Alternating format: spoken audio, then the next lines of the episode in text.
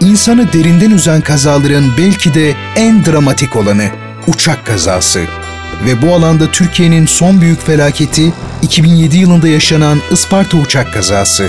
Geçmiş zaman olur ki bu bölümünde hiçbir isim vermeden ve acıları tazelemeden sadece gelecekte aynı ihmallerin yaşanmaması için farkındalık yaratmak amacıyla Isparta uçak kazasını konu ediyor.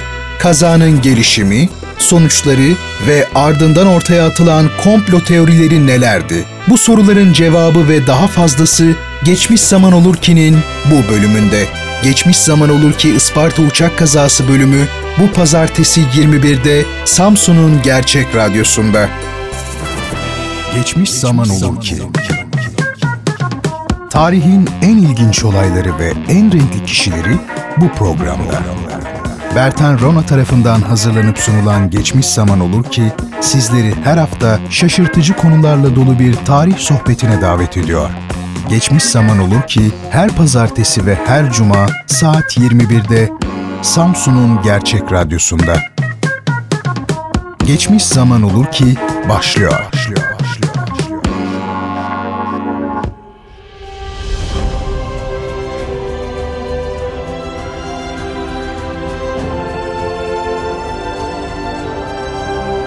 İyi akşamlar efendim. Tarih denen o kalın kitabın en ilginç, en önemli ve unutulmaz olaylarla dolu sayfalarını beraber çevirdiğimiz Geçmiş Zaman Olur Ki programına hoş geldiniz. Programı sizler için hazırlayıp sunan Bertan Rona'yı dinliyorsunuz. Her hafta pazartesi ve cuma akşamları saat 21'de Radyo Gerçek'te sizlerle buluşuyorum. Ve söylediğim gibi dikkat çekici konuları sizlerle paylaşmaya çalışıyorum. Sevgili dinleyicilerim bu akşam sizlere pek de iç açıcı olmayan bir olaydan söz edeceğim. 30 Kasım 2007 tarihinde gerçekleşen ve bütün Türkiye'yi derinden sarsan, yasa boğan bir olay bu. Isparta uçak kazası. Ama öncelikle şunu belirtelim ki amacımız yaraları deşmek, acıları tazelemek değil. Tam tersine benzer acıların bir daha yaşanmaması için olaydaki hataları, kusur ve ihmalleri hatırlatarak bu konuda moda tabirle bir farkındalık oluşturmak. Geçmiş zaman olur ki de daha önce bazı felaketleri konu edinmiş ve bu düşüncelerimizi defaatle dile getirmiştik. O nedenle artık tekrar etmeye gerek yok sanırım. Ancak hemen şunu ilave edelim. Program boyunca bu büyük felakette hayatını kaybedenlerin adlarını hiçbir şekilde zikretmeyeceğiz. Hepsine Allah'tan gani gani rahmet diliyoruz. Benzer şekilde herhangi bir havayolu şirketinin ismini de telaffuz etmeyeceğiz. Başlarken de belirttiğimiz gibi sadece dersler çıkarılması ve yeni kazaların önüne geçilebilmesi amacıyla hadisenin kendisine odaklanacağız. Efendim Isparta uçak kazası hiç şüphesiz ki Türk sivil havacılık tarihinde yaşanmış ilk kaza değil. Ondan önce de bu sahada pek çok felaket yaşanmıştı. Dilerseniz önce konuyla ilgili kronolojiyi birlikte gözden geçirelim ve ardından asıl konumuz olan Isparta kazasına yoğunlaşalım. Efendim Türk sivil havacılık tarihinin ilk kazası olarak değerlendirilebilecek olan olay 1954 yılında meydana geldi. 3 Nisan 1954'te Adana'da Ark isimli uçak düştü. Adana'dan Ankara'ya gitmek için saat 13.40'da havalanan Ark uçağı kalkıştan 10 dakika sonra Toros eteklerinde Kurttepe mevkiinde havada infilak etti. Uçağın parçaları 15 kilometrelik bir alana yayıldı. Bir başka kaza 19 Ocak 1960 tarihli. O gün Ankara'da İskandinav Hava Yolları uçağı düştü. İsveç'in başkenti Stockholm'den Ankara'ya gelen İskandinav Hava Yolları'na ait yolcu uçağı Esenboğa Havaalanı yakınlarında düştü. 23 Eylül 1961'de ise Adana-Ankara seferini yapan Fokker F-27 tipi TAY adlı uçak Etimeskut Havaalanı yakınlarında Karanlık Tepe'ye çarparak parçalandı. Yine 8 Mart 1962'de Ankara-Adana seferini yapan Fokker F-27 tipi KOP uçağı Toroslara çakıldı.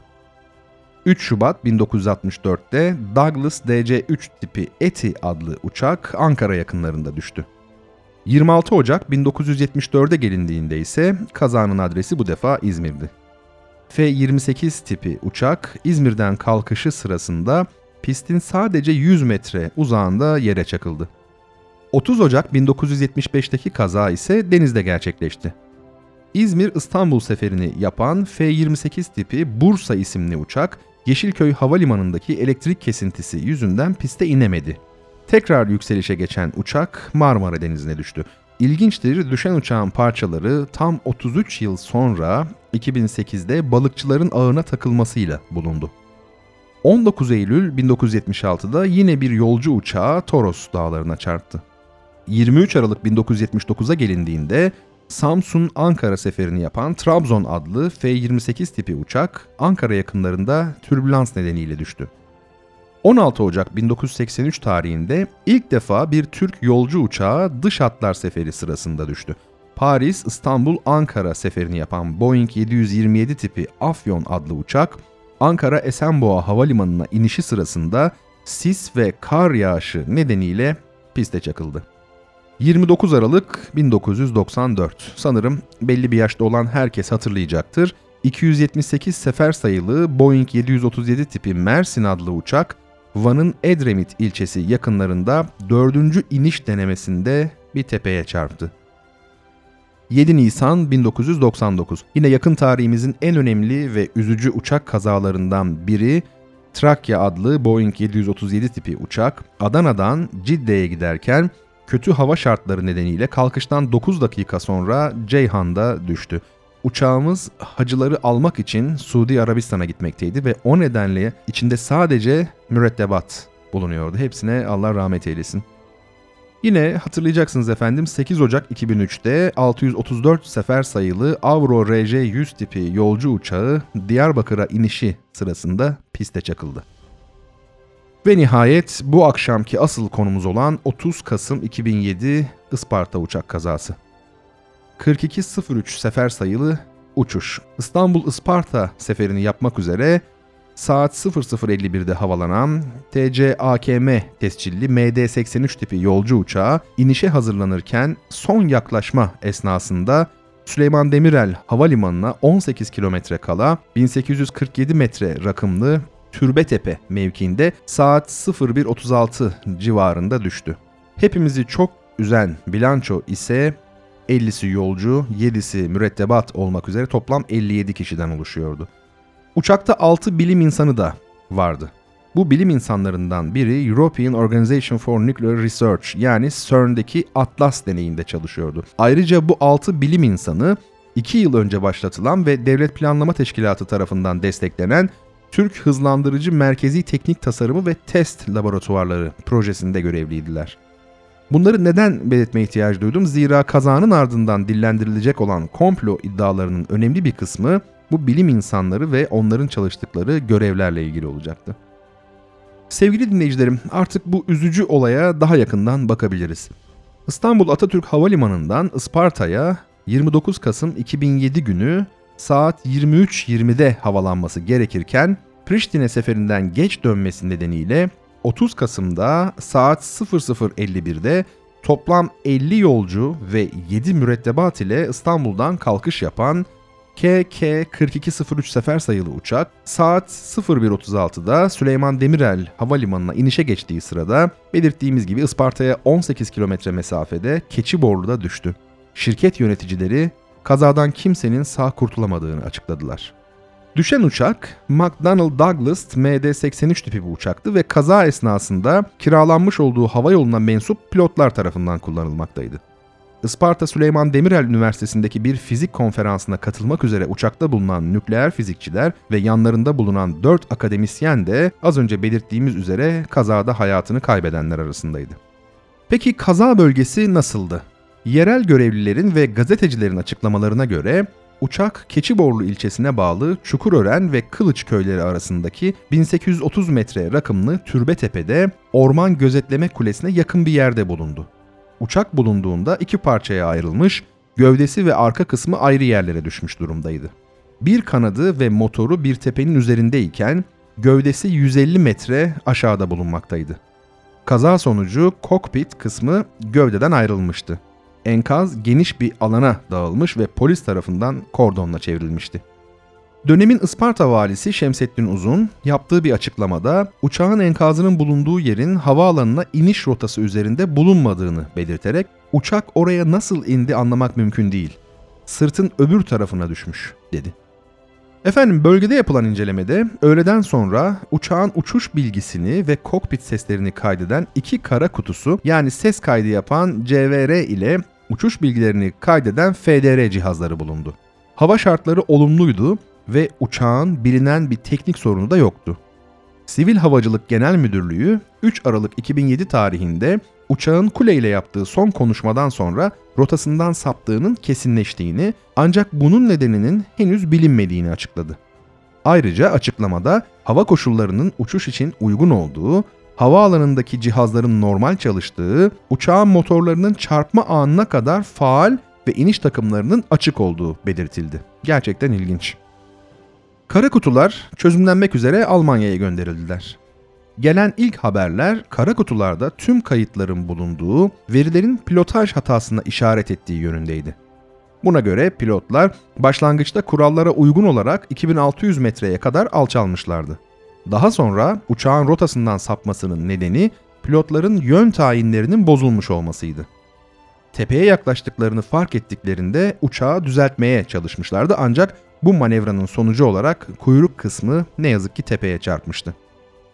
Ne var ki düşen uçakta bazı avukatlar adına 3 saat kadar araştırma yapan Kanadalı uzman Max Vermy düzenlediği basın toplantısında pilotaj hatasını yeterli bir açıklama olarak görmediğini ve uçağın donanımında bir arıza olduğuna inandığını belirtti. Vermi yaklaşık 2000 metre yükseklikte ve iniş yönünde olmayan uçağın iniş takımlarının açık olmasının teknik bir arızanın varlığına işaret ettiğini belirtti.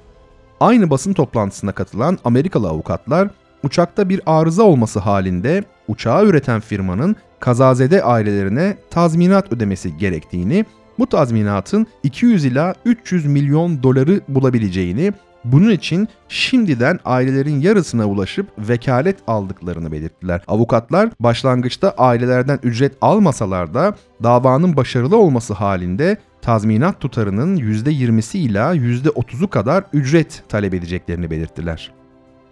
Öte yandan Ulaştırma Bakanlığı'nın Kasım 2008'de onayladığı ve adli soruşturmayı yürüten Keçiborlu savcısına gönderdiği kaza raporu basında yer aldı. Raporda kazanın sebepleri arasında pilotların yorgun ve deneyimsiz olmaları, alçalma planındaki usulleri doğru kullanmamış ve karşılıklı çapraz kontrol sağlamamış olmaları gösterildi uçağın uçuş güvenliği ile ilgili olarak 1 Ocak 2005 tarihinden itibaren kullanılması mecburi ekipmanlardan olan yer yaklaşım ikaz sisteminin yani EGPVS'nin de arızalı olması nedeniyle pilotun sistem tarafından ikaz edilemediği ve kör uçuş yaptığı bunun sonucu olarak da uçağın kuyruğunun türbe tepeye çarpmasına mani olamadığı açıklandı. Saat 23.35'te Isparta Havalimanı Trafik Kontrol Kulesi'nden iniş izni istendikten 10 dakika 23 saniye sonra kule tarafından cevap verilmesi hava trafik kontrolündeki aksaklık olarak gösterildi. Bir diğer teknik eksiklik Isparta havaalanına yaklaşmayı kolaylaştıracak haritanın uçağa yüklenmemiş olmasıydı. Rapora göre pilotların geç karar vermesinden kaynaklanan bu olay bir kontrollü uçuşta yere çarpma kazasıydı. Rapora göre inişe geçerken uçağın flapları açılmamıştı. Bu da pilotların dikkatini dağıtmış olabilirdi. 223 derece istikametinde seyreden uçak 30 derece sola dönmesi gerekirken hata sonucu 30 derece sağa dönmüş. 253 derecedeki bu yeni istikamet uçağı Türbetepe'ye yöneltmişti. EGPVS sistemi arızalı olan uçaktaki pilotlar yere yaklaşmakta olduklarını anlamamışlardı. Ayrıca zemin karanlık olduğundan pilotların yer gök ayrımını yitirdikleri kara delik etkisi adı verilen yanılgının da oluşmuş olabileceği üzerinde duruldu. Pilotların hata yapmasına neden olabilecek diğer etkenler olarak daha önce Isparta havaalanına hiç uçmamış olmaları ve MD-83 model uçakla uçmakta tecrübeli olmamaları gösterildi. Yapılan otopside pilotların alkollü olmadıkları belirlendi. Raporda ayrıca Türkiye'de ulaştırma kazalarını incelemek üzere Amerika Birleşik Devletleri ve Avrupa'daki örneklere benzer bir ulusal taşımacılık emniyet teşkilatı kurulması tavsiye edildi. Evet kazayla ilgili detaylar böyle. Peki son yıllarda Türkiye'de çok sık dile getirilen sabotaj iddiaları nedir? Onu da kısaca tekrar analım. Kazanın hemen ardından uçağın bir sabotaj neticesi düştüğü iddiası ortaya atıldı. Bu yönde maddi bir kanıt bulunmamasına rağmen uçakta Süleyman Demirel Üniversitesi'ndeki bir konferansa gitmekte olan 5 fizikçinin bulunmasının sabotaj iddiasını güçlendirdiği yöne sürüldü. Özellikle kazada hayatını kaybeden bir bilim insanının Türkiye'de CERN benzeri bir parçacık hızlandırma laboratuvarı kurma projesinde çalıştığı vurgulandı. Bu projenin Türkiye'ye büyük teknolojik atılımlar yaptıracağı öne sürüldü. Üstü kapalı olarak Türkiye'nin bu muhtemel gelişmeyi istemeyen düşmanları ve uluslararası nükleer lobisi bilim insanlarımıza sabotaj düzenlemekle itham edildi. Sivil Havacılık Genel Müdürlüğü ise uçağa sabotaj yapıldığına dair herhangi bir kanıt olmadığını açıkladı. Sevgili dinleyicilerim son olarak da kazanın ardından yaşanan gelişmelere şöyle bir göz atalım. Enkaz kaldırma çalışmaları 7 Aralık'ta başladı. Enkaz parçalara ayrılarak traktörlerle yakındaki Yeniköy'e götürüldü. Yolun karla kaplı olması çalışmaları yavaşlattı. Isparta İl Genel Meclisi 3 Aralık 2007'de kazanın olduğu tepeye bir anıt mezar yapma kararı aldı. Havayolu şirketi ise 14 Aralık 2007'de kazazedelerin ailelerine 25 bin dolar ön ödeme yapacağını açıkladı.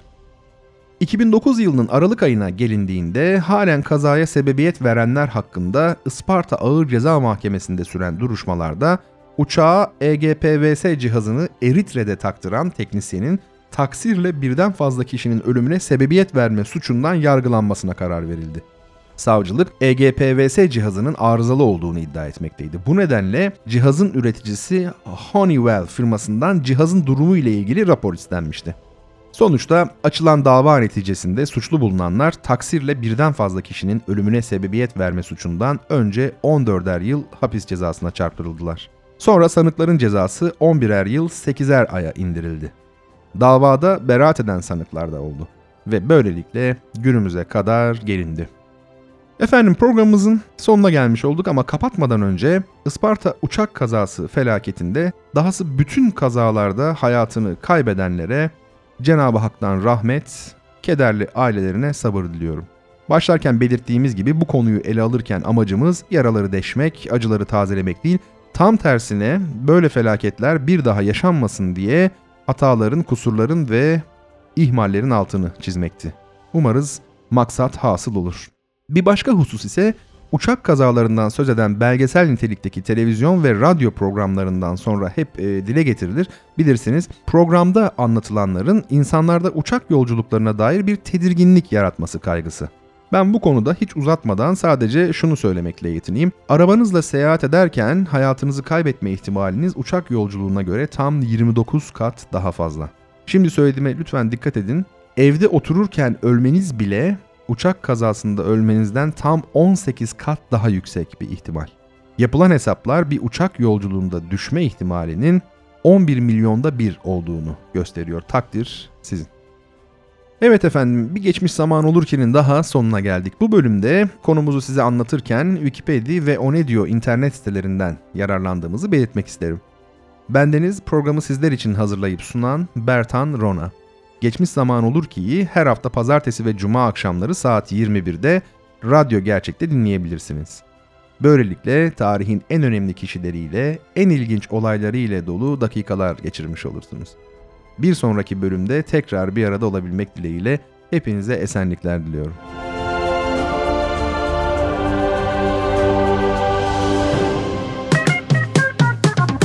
Geçmiş zaman olur ki sona erdi. Bu program hakkındaki düşüncelerinizi dinleyen et radyogercek.com adresine mail atarak bize ulaştırabilirsiniz.